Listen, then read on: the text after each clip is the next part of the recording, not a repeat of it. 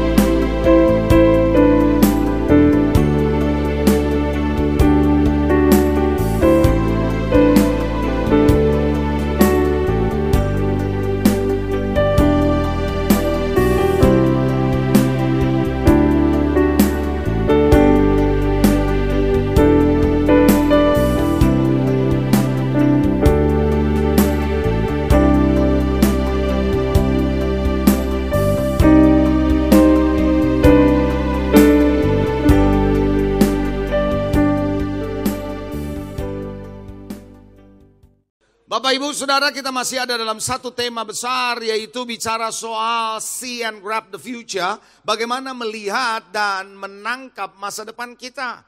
Tetapi sering kali di dalam perjalanan kadang-kadang kita putus asa, kita merasa tak berdaya, kita merasa terlalu berat tantangannya dan kadang-kadang kita merasa gelombang begitu besar menghantam hidup kita.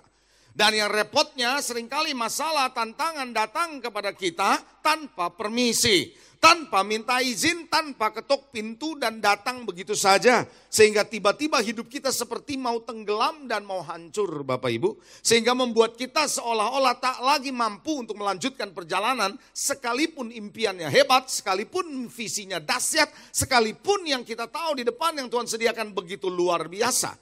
Itu sebabnya saudara saya mengangkat tema pada siang hari ini bicara soal never give up. Tidak pernah menyerah, jangan pernah menyerah. Sikut sebelah saudara bilang jangan pernah menyerah. Jangan pernah menyerah. Saudara yang dikasihi yang membuat kita sering kali menyerah, sering kali give up, bukannya setan yang membuat kita give up, tapi kadangkala adalah orang-orang dekat kita, orang-orang di sekitar kita. Saudara lihat apa yang namanya seorang yang bernama Yusuf punya impian yang luar biasa, punya penglihatan dari Tuhan luar biasa, punya destiny yang hebat dari Tuhan, tetapi saudara dia dia dihancurkan atau dia dijual justru oleh saudara-saudaranya. Kadang-kadang dalam hidup ini kita melihat orang-orang yang tadinya kita harap bisa membawa bersama-sama dengan kita, mendukung kita, tapi kadang-kadang justru bisa membuat kita menyerah, saudara.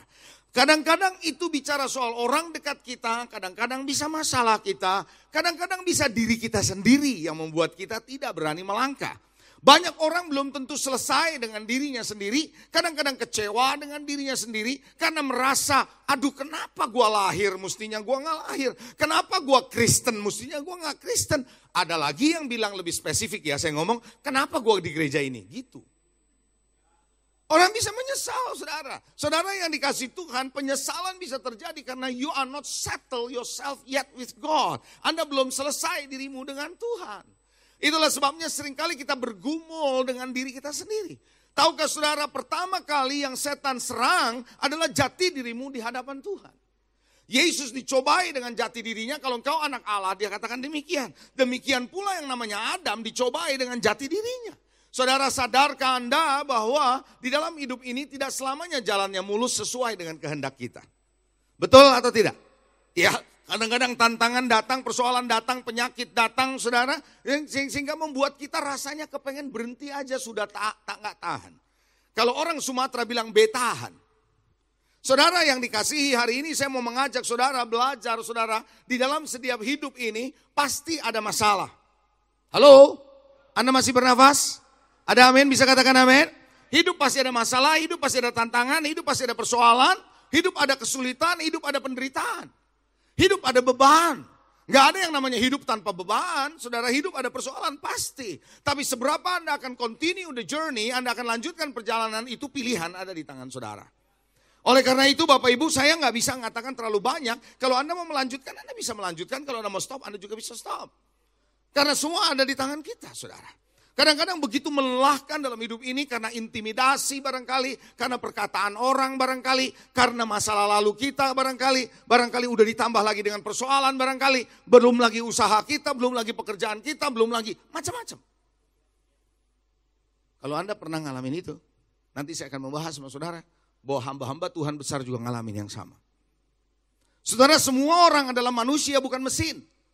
Dan kita manusia pernah ngalamin hal yang sama. Haleluya. Ada amin saudara. Oleh karena itu Bapak Ibu Saudara, jangan biarkan saudara Anda terlena dengan persoalanmu, tapi engkau harus tetap fokus kepada apa yang menjadi rencana Tuhan dalam hidup saudara dan hidup saya. Karena sering kali di tengah-tengah persoalan, di tengah-tengah masalah, di tengah-tengah tantangan hidup, setan ambil untung. Selalu setan mengambil untung. Apa maksudnya dia mengambil untung? Dia akan membisikkan kepada saudara, di pikiran saudara, di hati saudara, untuk berkata, stop. Setan selalu kepengen membuat Anda menyimpang dari rencana Tuhan. Selalu dan selalu karena memang tugasnya iblis adalah apa? Dia datang untuk mencuri, membunuh, dan membinasakan. Dia tujuannya datang adalah untuk mengacaukan hidup orang percaya.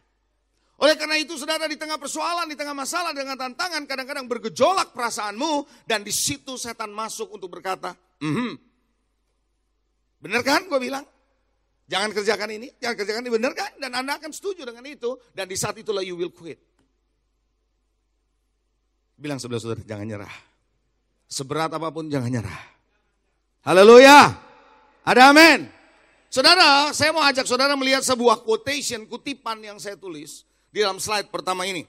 Bapak Ibu, Saudara, saya akan coba berjalan dengan agak sedikit cepat dibandingkan ibadah pertama karena saya tahu di sini akan ada acara selanjutnya wis wisuda.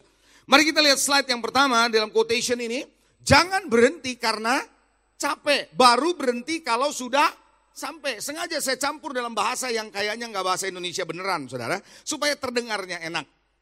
Ya, sampai capek gitu ya, Saudara ya. Saudara jangan berhenti karena capek. Hidup ini kadang-kadang membuat Anda lelah. Tantangan membuat Anda lelah. Omongan membuat Anda lelah. Saudara yang dikasih Tuhan, fitnah membuat Anda lelah. Betul? Setuju nggak saudara? Begitu nggak? Saudara yang dikasih Tuhan belum lagi saudara ekonomi membuat kita lelah. Perdagangan membuat kita lelah. Sosial media membuat kita capek. Yes, saudara makin sering Anda membaca sosial media bikin saudara jadi ruwet pikiran saudara. Dan ketika engkau mulai lelah, Anda mulai capek dan Anda akan berhenti. Jangan berhenti karena capek, tapi Anda harus baru boleh berhenti kalau sudah sampai. Bapak Ibu, saudara yang dikasih Tuhan, hati-hati karena setan selalu mau membawa Anda percaya menyerah adalah jalan keluar. Ada tiga kata orang Kristen tidak boleh ada dalam hidupnya. Are you ready? Ada tiga kata di dalam orang Kristen tidak boleh ada kata ini. Yang pertama cerai. Tidak ada di Alkitab menganjurkan Anda untuk bercerai. Kata pertama yang tidak boleh ada di dalam pikiran orang Kristen adalah cerai. Yang kedua, kata kedua yang tidak boleh ada di dalam pikiran orang Kristen adalah mustahil. Karena bagi Allah tidak ada perkara yang mustahil, bagi orang percaya tidak ada perkara yang mustahil. Jadi tidak boleh ada kata kedua yang ada di pikiran saudara, ini mustahil. Bagi Allah tidak ada perkara yang mustahil. Dan kata ketiga yang tidak boleh ada di antara orang Kristen adalah menyerah. Karena di dalam Tuhan tidak ada kata menyerah. Saudara lihat gambar-gambar ini ketika ada kata menyerah dalam hidupmu, Anda akan mengalami banyak hal yang sebentar saya coba jelaskan sama saudara. Ketika kata menyerah ada dan muncul di hati dan pikiranmu, saya yakin Anda tidak akan mau mencoba apa pun. Anda tidak mau mengupayakan apa pun untuk melakukan sesuatu buat perbaikan hidupmu, buat mencari jalan buat persoalan hidupmu, karena di pikiranmu sudah ada kata menyerah. Barangkali Anda bilang, Pak saya nggak menyerah, saya nggak pernah ngomong menyerah. Boleh saja, tapi apa yang Anda sedang lakukan, reaksi Anda, tindakan Anda, pilihan Anda, omongan Anda, itu gambaran dari orang yang menyerah. Kalau kata menyerah sudah ada di dalam hidupmu, nggak akan ada lagi namanya daya tahan. Apalagi daya juang, nggak bakal ada. Anda nggak akan belajar untuk berjuang, bertahan, berjuang, nggak bakalan. Uang udah nyerah. Jangan heran kenapa banyak orang bunuh diri. Akibat kalah judi bola. Karena mereka nggak pernah sangka Jerman kalah sama Korea. Saya sebagian orang manifestasi ketika saya bicara bola, saudara. Bapak Ibu Saudara yang dikasih Tuhan, tidak lagi ada daya tahan, tidak lagi ada daya juang. Kenapa kata itu menyerah? Dan akibatnya kalau Anda sudah tidak ada daya tahan, Anda tidak punya daya juang, Anda akan merasa keadaanmu sebagai nasibmu. Dan Anda berkata memang gua nasibnya begini. Dan Anda merasa keadaan gua begini. Dan Anda terima. Dan Anda nggak akan upayakan untuk berubah. Halo? Kenapa? Karena menye Orang yang sudah menyerah, maka karena dia tidak mau coba ini, tidak mau coba itu, jangan heran orang ini mentok, tidak akan kreatif. Tidak akan pernah bisa kreatif, tidak akan pernah bisa melihat ada jalan-jalan baru karena memang tidak mau mengupayakan, karena memang tidak mau mencoba lagi. Kenapa? Karena sudah me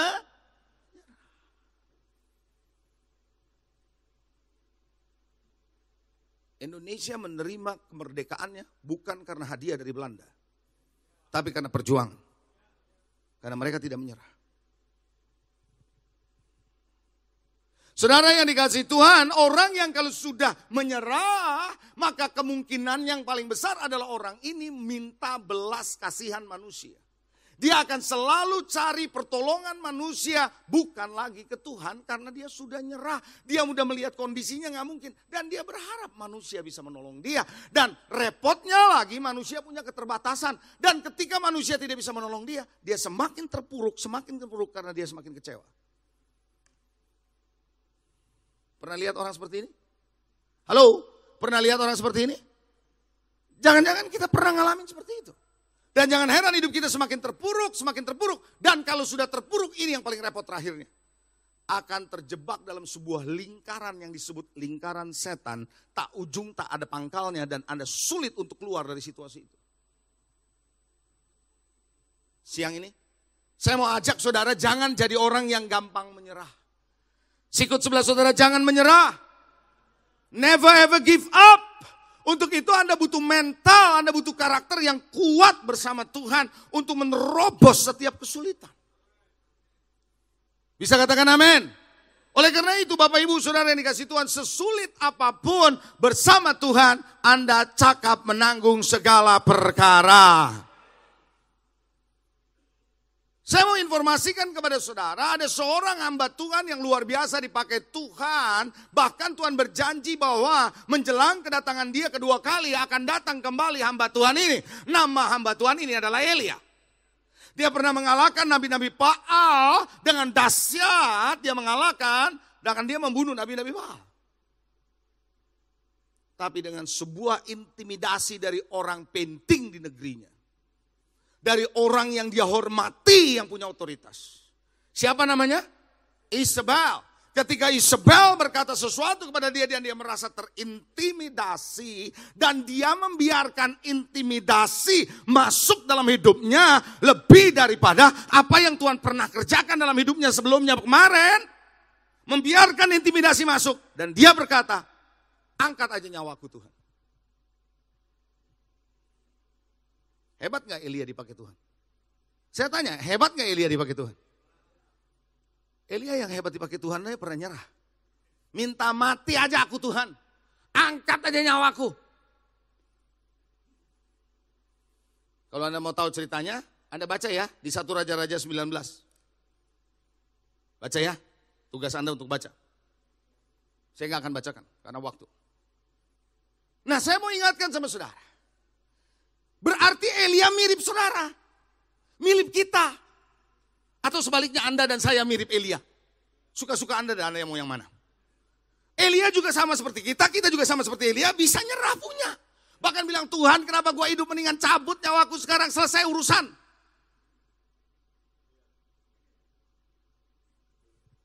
Tapi orang yang sama dengan kita, ketika dia memutuskan untuk keluar bersama dengan Tuhan, Tuhan pakai. Bilang sebelah saudara, kalau begitu kamu juga bisa dipakai Tuhan.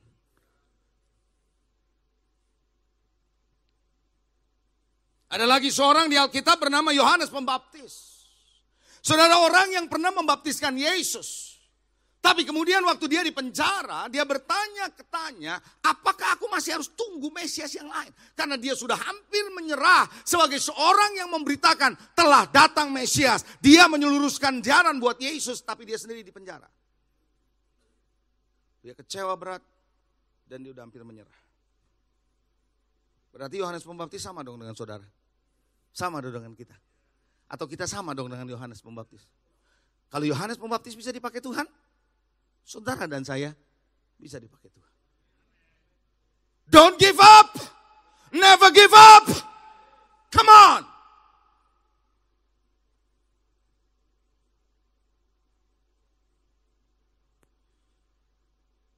Paulus gimana Paulus? Menurut saudara? Coba saya tanya, Paulus menurut saudara gimana? Pernah nggak mau nyerah?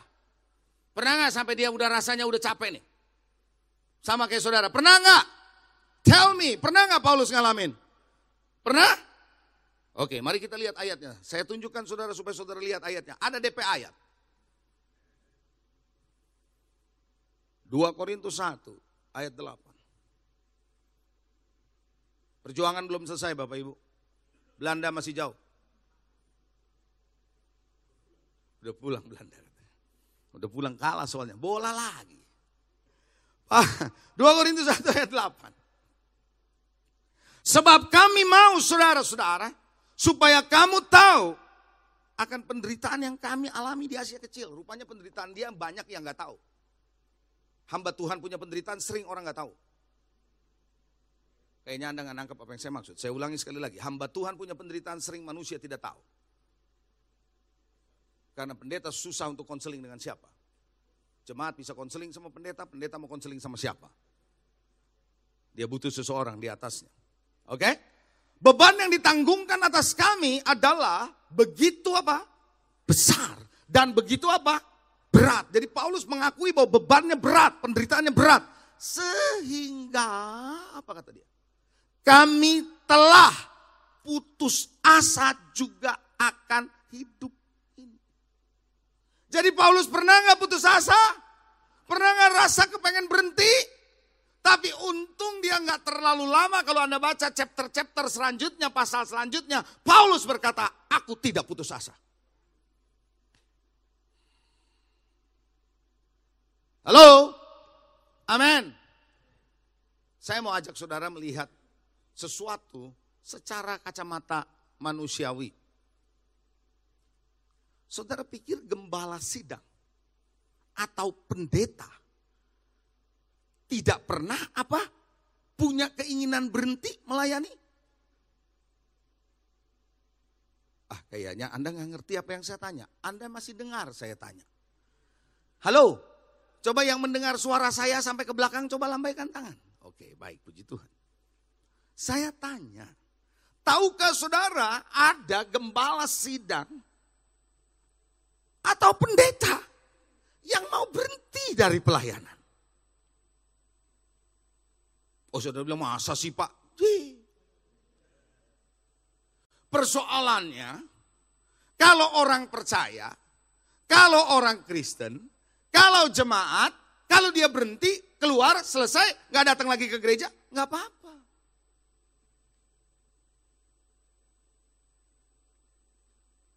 Tapi nggak gampang buat seorang gembala sidang. Mau berhenti terus mau ke mana? Halo? Saya kasih tahu saudara tapi saya nggak kasih namanya ya. Boleh, boleh. Dua pendeta yang pernah khotbah di gereja ini. Tadi pagi saya nggak spesifik, ini lebih spesifik. Dua orang pendeta yang pernah khotbah di gereja ini. Pernah mau berhenti dari pelayanan. Dan dua orang ini bukan pendeta dari dalam gereja sini, tidak. Dari gereja luar. I know exactly. Dua-duanya pendeta dan gembala sidang. Mau berhenti.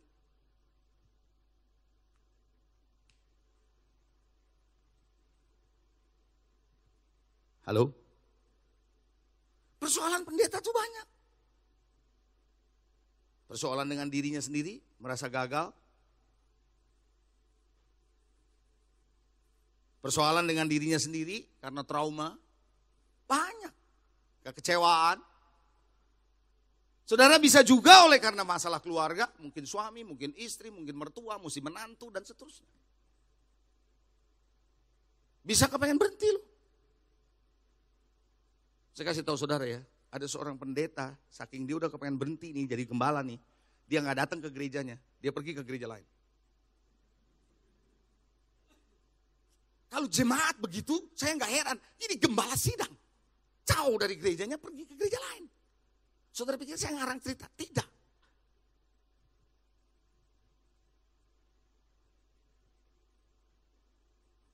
Cuma hanya kepengen mendengar pendeta itu ngomong apa. Saudara mau tahu?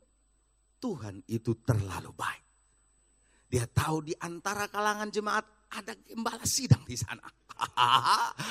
itu pendeta khotbah sepertinya hanya 100% dari awal sampai habis buat dia doang. Mau berhenti, nggak jadi berhenti.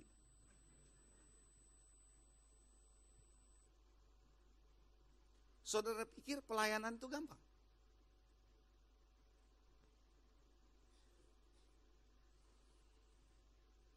Berhubungan dengan manusia itu yang paling susah. Apalagi orang-orang bilang sebelah saudara seperti saya gitu coba. It's not easy man. Belum lagi fitnah. Tahu fitnah? Saudaranya fitnah. Itu fitnah. Belum lagi fitnah. Ayo, belum lagi gosip. Belum lagi cerita-cerita berita yang gak jelas. You listen to it. Anda akan tenggelam. You lihat Pastor Yu ini, senior Pastor Yu ini, kalau lagi khotbah strong. Strong. And I have to strong. To be strong. Masa saya bilang gini, saya adalah lemah Bapak Ibu. Saya bilang, mau apa ini pendeta? Saya perlu share sama saudara. Everybody punya titik-titik tertentu dalam hidupnya. Jangan saudara pikir kita nggak pernah ada di dalam dalam situasi yang berat. Selama saya melayani Tuhan, sejak saya meninggalkan pekerjaan saya di bank sampai hari ini, pernah dua kali. Bukan cuma sekali, kalau sekali kebetulan dua kali. I want to quit from ministry. Dan saya bilang, I will back to my old bankers. Jadi saya juga tahu perasaannya Anda tuh kayak apa. Gini-gini ngertilah karena pernah ku alami seperti itu. Tapi Anda kan nggak tahu kalau saya nggak cerita. Paulus juga bilang, lu nggak tahu penderitaan gue di Asia kecil seperti apa kalau gue nggak cerita.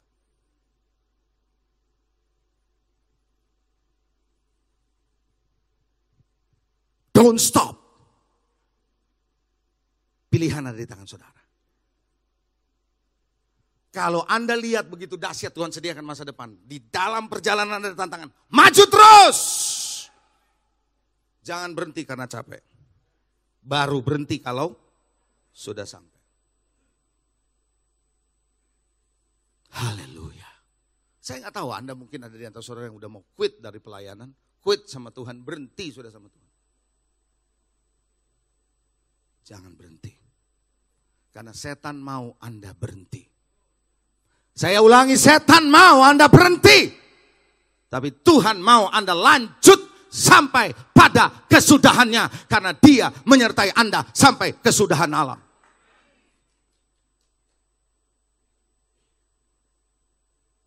Untuk bisa melihat masa depan dan melihat janji Tuhan tergenapi. Jangan stop. Ada amin? Haleluya. Mari kita lihat firman Tuhan 2 Tawari 20. Saya mau ajak saudara untuk melihat ini supaya saudara belajar sesuatu agar supaya jangan menyerah. Persoalan seberat apa pun jangan pernah menyerah. Ada amin? Baik, saya mau ajak saudara untuk lihat firman Tuhan ini dengar baik-baik. Saya minta Anda perhatikan ayat firman Tuhan ini. 2 Tawari 20 ayat 1 sampai 13. Setelah itu, Bani Moab dan Bani Amon datang berperang melawan Yosafat. Bersama-sama sepasukan orang Meunim. Jadi ada berapa musuh yang mendatangi Yosafat? Berapa? Tiga. Ada Moab, ada Amon, ada orang Meunim. Sepasukan Meunim datang tiga menyerang sekaligus. Barangkali Anda juga sedang mengalami persoalan tiga sekaligus. Persoalan ekonomi menyerang saudara, persoalan kesehatan menyerang saudara, persoalan keluarga menyerang saudara dan Anda sudah mau berhenti, sudah mau stop, Anda sudah tidak tahu apa yang Anda harus lakukan. Dengar khotbah ini sampai selesai. Supaya saudara tahu bahwa ada jalan keluar dalam Tuhan. Ada kekuatan dari Tuhan sampai Anda mencapai pada garis akhir. Ayat kedua, perhatikan firman Tuhan. Datanglah orang memberitahukan Yosafat. Apa yang dia beritahu? Suatu laskar yang besar datang dari seberang laut asin. Dari Edom menyerang tuanku. Sekarang mereka di Hazezon Tamar, yakni di En Gedi. Saya tanya sama saudara, lihat sini. Kalau Anda baca ayat 2, berita yang didengar oleh Yosafat, berita yang disampaikan oleh Yosafat, ini hoax atau beneran? Saya tanya, ini hoax atau beneran? Boleh aja Anda punya berita beneran. Tapi kalau itu melemahkanmu, jangan dengar.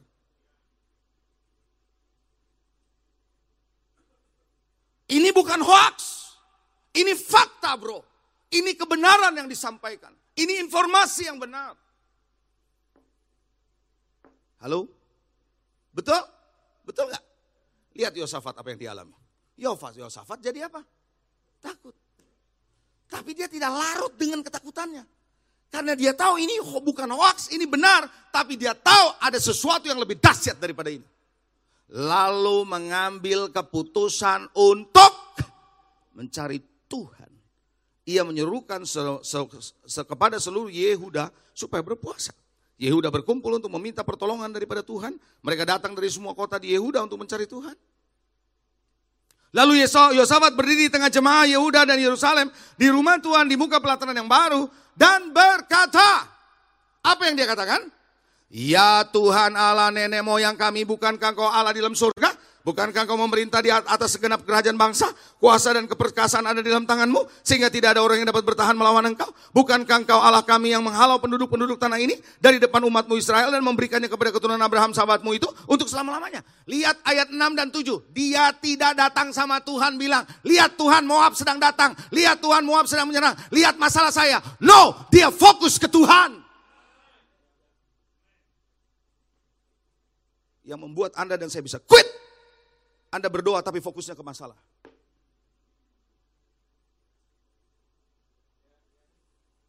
Dia fokus ke Tuhan. Boom. Karena dia tahu Tuhan dahsyat. Bisa katakan amin? Lalu mereka mendiami tanah itu mendirikan bagimu tempat kudus untuk namamu, kata mereka. Bila suatu malapetaka menimpa kami, yakni pedang, penghukuman, penyakit sampar, kelaparan, kami akan berdiri di muka rumah ini di hadapanmu, karena namamu tinggal dalam rumah ini. Dan kami akan berseru kepadamu. Di dalam apa? Tolong dijawab, di dalam apa? Mereka berseru di dalam apa? Kesesakan. Ada orang bilang, Pak saya lagi sesak nggak bisa berdoa. Kayaknya Anda nggak ngerti. Bapak nggak tahu ya masalah saya gini berat, suruh doa lagi. Tapi mereka lagi sesak. Mereka lagi sesak. Mereka tetap berseru. Setan mau, mau ngapain lu berdoa lu lagi begini? Dan Anda melakukan apa yang dia mau. Nggak tahu kenapa orang percaya, lucu saya lihat. Lebih taat sama ngomongan setan daripada sama ngomongan Tuhan. Lebih dengar-dengaran ngomongan setan daripada sama suara Tuhan. Aneh, bin ajaib.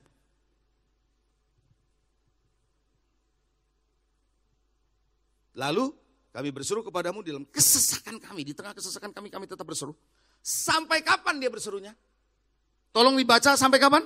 Sampai engkau mendengar dan menyelamatkan kami. Dia nggak akan quit berdoa sampai engkau datang mendengar dan menjawab kami loh. Di tengah kesesakan. Sekarang lihatlah Bani Amon, Moab, orang-orang di Gunung Sir ini, ketika orang Israel datang di tanah Mesir, engkau melarang mereka memasuki negerinya, sebab itu mereka menjauhinya dan tidak memusnahkannya. Lihat sebagai pembalasan, mereka datang mengusir kami. Nah baru dia cerita apa yang terjadi kepada Tuhan dari tanah milik yang kau wariskan kepada kami. Ya Allah, ayat 12, tidakkah engkau akan menghukum mereka? Karena kami tidak punya, kami tidak punya apa? Kami tidak punya apa? Dalam menghadapi apa? Laskar yang besar, kadang-kadang Anda dan saya juga seperti itu tidak punya kekuatan menghadapi tantangan dan persoalan yang begitu besar dalam hidup ini. Tapi kalimat terakhir ini saya, saya tertarik. Kami tidak tahu apa yang harus kami lah. Bukankah Anda dan saya kadang-kadang ada dalam situasi di mana Anda dan saya tidak tahu lagi atau mau berbuat apa? Pernah? Udah lah, gue udah gak tahu lah, doa udah, puasa udah, apalagi coba. Udah nggak tahu lagi apa yang saya mesti perbuat. Tapi orang ini kami tidak tahu apa yang kami lakukan. Tapi mata kami tidak tertuju pada persoalan. Mata kami tertuju kepadamu. Oh come on. Ini yang membuat kita tidak akan pernah bisa menyerah. Sementara itu seluruh Yehuda berdiri di hadapan Tuhan dan segenap keluarga mereka dan istri dan anak-anak mereka. Pagi hari ini saya kepengen jemaat GKS Light to the Nation, Wisma RMK ini. Anda tidak menyerah di tengah-tengah gelombang hidup. Di tengah pencobaan hidup. Di tengah gejolak ekonomi. Di tengah-tengah gejolak kehidupan ini. Maju terus. Jangan pernah menyerah. Never ever give up. Siap untuk tidak menyerah? Siapa yang siap untuk tidak menyerah? Tidak pernah mau menyerah. Kasih tos kiri kanan saudara bilang jangan nyerah bro, sis. Jangan nyerah. Anda mungkin bilang, Pak saya nggak ngomong saya nyerah. Oke, tapi kelakuan kita, ngomongan kita, sikap kita, perkataan kita, pikiran kita, menunjukkan kita ini orang yang sudah menyerah. Sekarang saya akan kasih Anda tips agar Anda tidak pernah menyerah. Haleluya. Kodok ini tidak nyerah sampai lepas. Siap untuk tidak gampang nyerah? Siapa yang mau tidak menyerah lagi? Aku tidak akan menyerah. Maju terus bersama dengan Tuhan. Di dalam kehendak Tuhan tentunya. Siap nomor satu? Ready number one. Tips nomor satu. Untuk tidak gampang nyerah dan tidak pernah nyerah. Pilih apa yang Anda akan dengar. Choose what you gonna listen. Pilih omongan-omongan yang perlu Anda dengar. Yang Anda nggak perlu dengar, jangan dengar. Sampah-sampah, jangan dengar.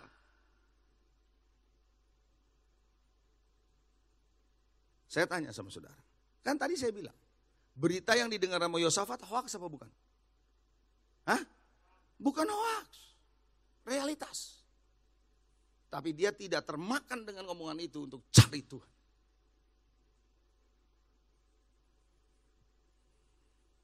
Be careful. Apa pun berita, informasi yang Anda dengar, dari dunia, dari mana pun, walaupun itu realitas dan fakta, apabila itu menggoncangkan imanmu, stop it. Apabila itu menghentikan langkahmu sama Tuhan, stop it, don't listen to it.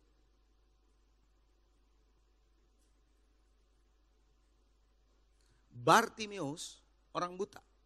Ngemis pula. Ya, buta ngemis. Pasti orang buta sama orang pengemis kumpulnya sama siapa? Buta dan ngemis. Kalau orang buta ketemu sama orang buta, orang ngemis kumpul sama orang ngemis, kira-kira ngomongnya soal positif, optimistik atau pesimistik? Coba, coba. Ngomong keberhasilan apa kegagalan? Bartimius punya kuping. Dia bisa mutusin mau dengerin itu terus dan dia terlelap dengan itu atau dia mau denger yang lain. Dengar ya, baik-baik ceritanya. Anda bisa baca nanti tentang Bartimius. Dia minta-minta kan? Kan buta. Telinganya denger kan? Saat dia minta-minta, kan orang lewat tuh. Dia dengar bagaimana kesaksian Yesus dari Nazaret menyembuhkan orang. Wow, kalau enggak dia dari mana bisa tahu kalau Yesus itu Yesus Nazaret yang lewat itu? Dia nggak pernah tahu orang dia buta. Tapi dia keep on listening on the positive side instead of dengerin yang benar daripada yang nggak benar nih. Makanya imannya bangkit. Iman timbul dari pende, pendengaran dari sampah. Nah, uh, dari apa? Berita. Dari CNN. Uh, uh, dari apa? Firman. Waktu Yesus lewat. Jesus anak Nasar. Anak anak anak Daud. Jesus anak Daud, tolong aku. Karena dia tahu ini keselamatan datang dari dia. Dia bisa sembuh nih. Apa sih yang Anda dengar selama ini? Yosafat memilih mendengar dari Tuhan daripada berita walaupun bukan hoax. Coba lihat slide berikutnya apa yang Anda dengar akan memengaruhi proses berpikirmu dan menentukan pilihanmu. Apa yang Anda dengar akan memengaruhi prosesmu berpikir dan menentukan pilihan. Lihat sini, waktu Anda dengar, yang paling dekat sama telingamu ini otak. Halo, begitu Anda dengar, ini proses selama Anda masih hidup dan pikiranmu masih benar. Dengar, proses. Begitu proses, meluncur yang paling dekat itu di mulutmu. Dan Alkitab berkata apa yang keluar dari mulut menajiskan orang. Ketika itu keluar dari mulutmu, yang dekat dengan mulutmu adalah hati. Do you see this? Lihat sini sekali lagi. Apa yang kau dengar, telinga, kuping, otakmu ini dekat sama kuping. Dia proses. Dia proses tanpa anda sadar keluar dari mulutmu. Dan itu masuk ke hati. Keep on talking on this. Terus-terusan anda ngomong yang negatif, hatimu jadi nggak benar. Anda ngerti nggak? Itu senjata musuh untuk meruntuhkan Anda.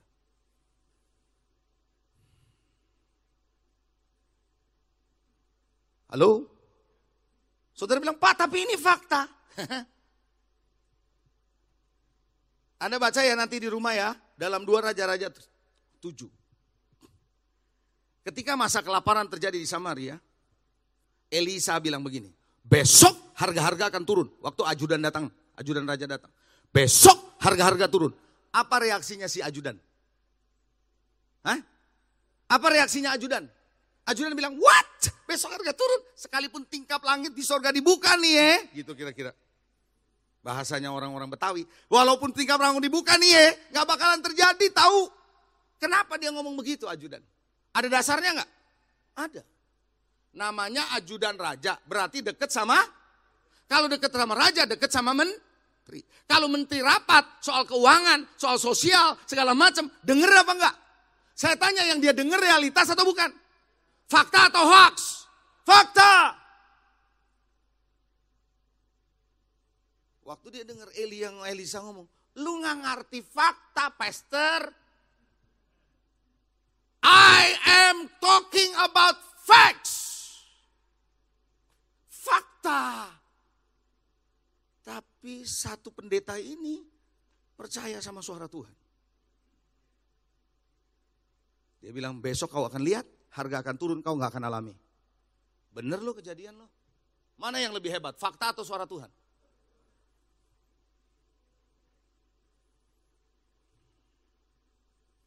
Coba kita lihat slide ini. Saya minta saya agak lambat sedikit di slide ini. Nggak apa-apa kalau saya nggak semua poin.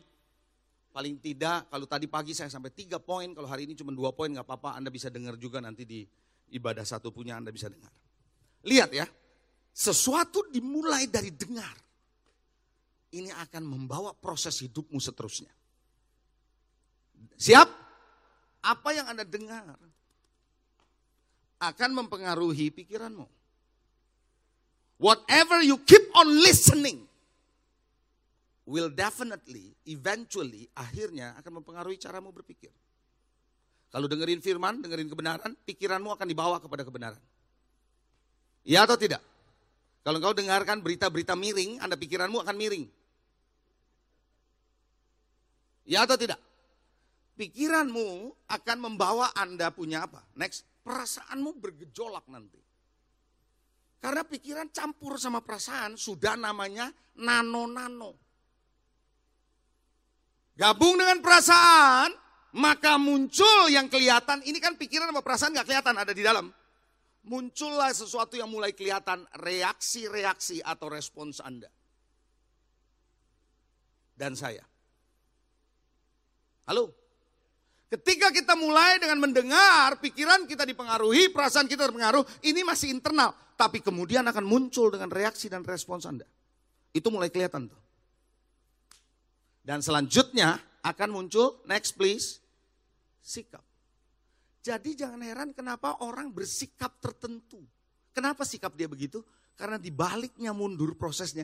Apa yang selama ini dia dengar, itu mempengaruhi sikapnya. Itu mempengaruhi reaksinya. Itu mempengaruhi dia punya responsnya. Do you get my point? Come on. Ngerti? Siapa yang ngerti lambaikan tangan? Dari sikap ini akan timbul pilihan-pilihan dari kita masing-masing. Pilihan Anda dan saya akan menentukan, next please, tindakan yang Anda lakukan. Tindakan yang Anda lakukan akhirnya akan membawa hasil. Anda lihat nggak flow-nya? Mulai dari apa? Hasil akhirnya apa? Akhirnya apa? Hasil. Kalau Anda mau merubah yang akhir, yaitu hasil ini Anda mau rubah, yang Anda harus rubah adalah apa yang Anda dengar. Don't listen to things that will Jangan dengar suara-suara yang akan membuat you sinking, tenggelam. Dengar yang membangun. Dengar yang menguatkan. Dengar yang membuat Anda sehat. Dengar yang membuat Anda terus berjalan bersama Tuhan. What you hear. Walaupun Yosafat dengar itu bukan hoax, itu realitas. Dia nggak mau dengerin itu. Dia mau dengar apa kata Tuhan. Kalau Anda baca di dalam pasal itu, di dalam Yosafat, kemudian datang seorang nabi hasil berkata, engkau tidak perlu berperang, Allah akan gantikan engkau berperang, engkau nyanyi saja, maju saja, Tuhan akan lakukan. Dia dengar itu lebih daripada realitas yang bukan hoax itu. Itu yang membuat dia selalu berkemenangan. Orang Kristen kalau mau berkemenangan, pilih yang Anda dengar itu apa? Choose what you listen. Halo? Saudara tahu nggak ketika Adam dan Hawa jatuh dalam dosa? Tuhan bilang begini, siapa yang kasih tahu kamu telanjang? Betul? Kalau kata siapa yang kasih tahu kamu telanjang, berarti ada ada berita yang lain nih selain aku yang ngomong sama kamu. Because you listen to this. Hasilnya kayak gitu. Siapa yang ngerti lambaikan tangan dong?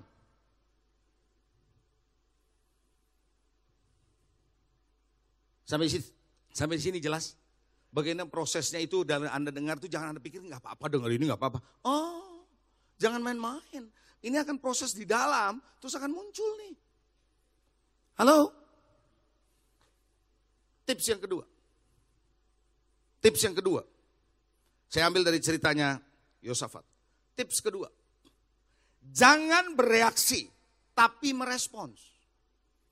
Reaksi sama respons tidak sama.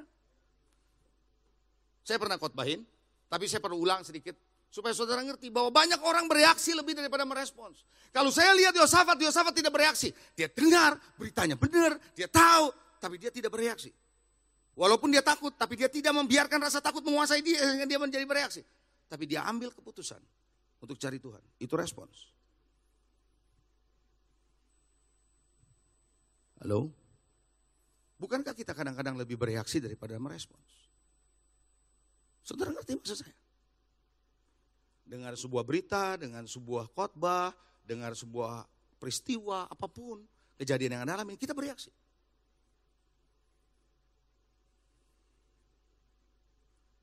Ada seorang bapak di sebuah kereta lagi perjalanan, lagi baca koran. Asik baca koran.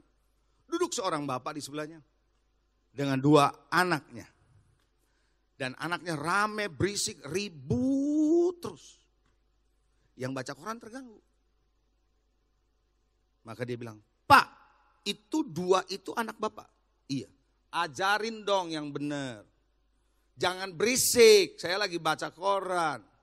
Apa bapak nggak bisa ngajar anak itu? Bapak ini bilang, maaf pak, maaf. Saya dengan kedua anak saya baru pulang dari pemakaman mamanya istri saya. Jadi saya nggak bisa larang dia, saya biarkan dia karena lagi kesedihan. Minta maaf pak. Yang baca koran bilang, aduh maaf pak saya nggak tahu. Yang pertama reaksi, yang kedua respons.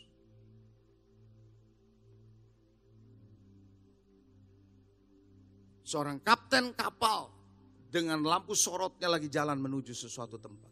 Di sana juga nyorot sesuatu. Dia kapten ini teriak dengan suaranya. Hei kamu, kapal di depan saya, minggir. Saya kapten di sini. Kamu siapa? Lalu di sana bilang, saya cuma petugas saja. Minggir, ini kapten. Dia bilang, saya tidak bisa minggir, bapak yang mesti minggir. No, kamu yang minggir. Dia bilang, saya nggak bisa minggir karena ini mercusuar. Kapten bilang, ini mercusuan gue tabrak, gue bisa mati. Dia minggir. Yang pertama kapten ini bereaksi. Yang kedua respons. You can choose one and another. Mau reaksi atau merespons.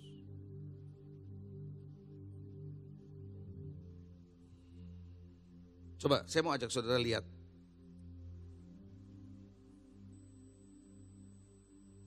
Apa sih reaksi? Apakah sih respons? Coba kita lihat. Next please. Saya sudah pernah sampaikan, tapi ada baiknya. Tadi pagi juga saya lupa ada satu slide saya nggak sampaikan sama saudara. Nggak apa-apa. Reaksi adalah sebuah tindakan, ucapan, ungkapan perasaan yang timbul segera tanpa mikir, segera keluar omongan itu, segera meluncur akibat sebuah stimulus eksternal atau peristiwa atau informasi atau berita yang kita dengar dan kita alami langsung kita mengeluarkan tanpa mempertimbangkan akibatnya. Sering ketemu orang kayak gini?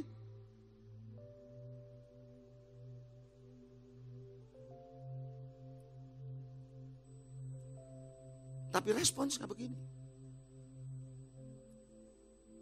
Respons adalah next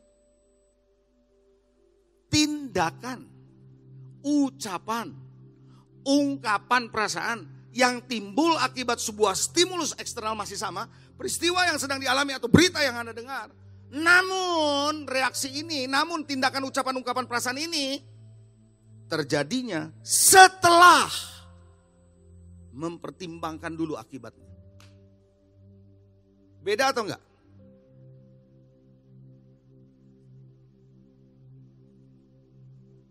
Tapi banyak orang lebih cenderung bereaksi.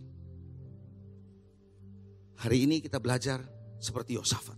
Jangan bereaksi, tapi merespons. Halo?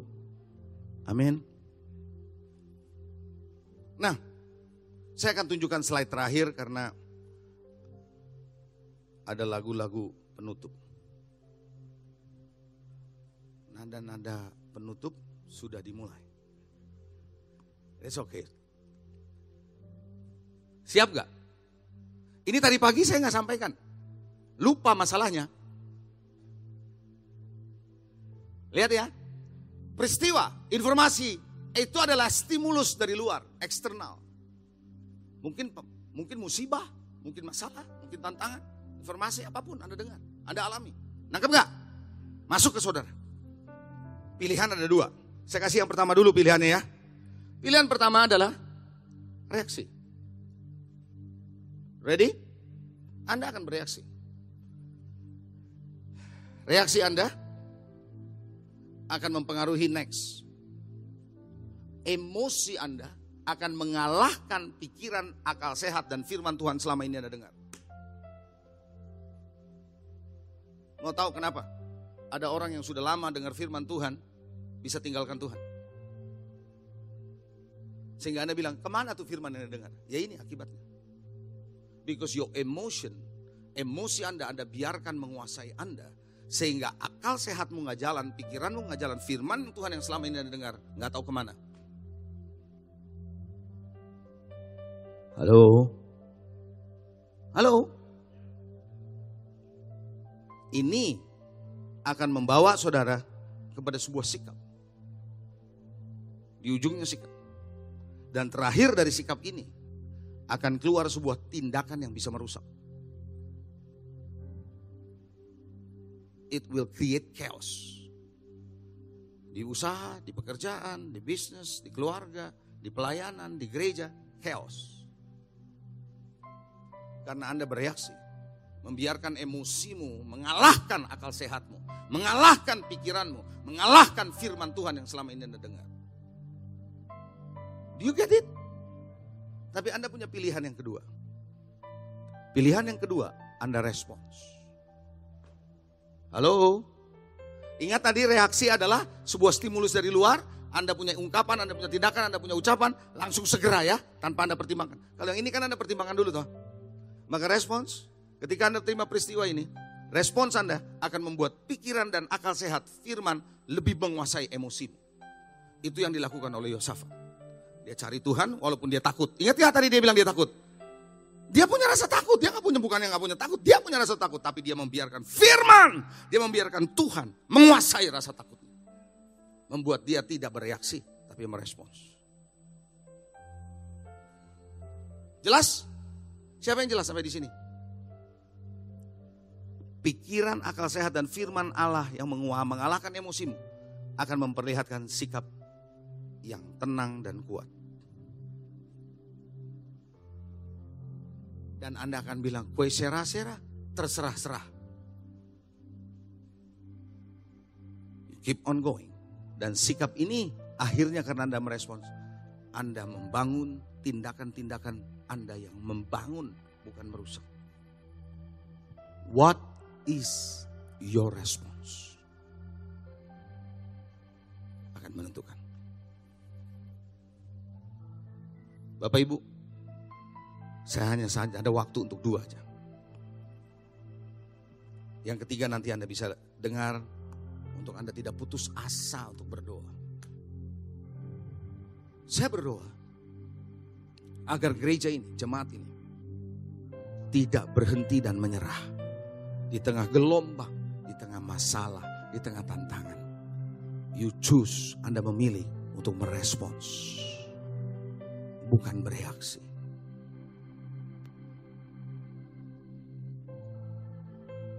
Belajar dari pengalaman seorang bapak yang baca koran tadi dan seorang kapten kapal. Jangan biarkan Anda bereaksi. Kalau Anda tahu ada sesuatu yang justru membuat Anda terpuruk dan berhenti, stop. Jangan entertain itu, jangan terusin. Karena itu akan membawa Anda akan yakin jauh. Tapi ketika engkau tahu ini yang membangun, ikutin terus sampai Anda membangun dan dibangun. Karena saya percaya Tuhan mau Anda berhasil. Yesus datang untuk memberikan kau apa? Hidup. Dan supaya yang memilikinya, memilikinya di dalam segala kelimpahan. Tapi setan datang untuk mencuri, membunuh, dan membinasakan. Hari ini saya mengharap Anda milih untuk yang benar. Sehingga Anda tidak pernah berhenti. Maju terus! Maju terus! Sikut sebelah saudara. Don't give up. Never give up. Mari, saya undang saudara bangkit berdiri, nyanyikan lagu.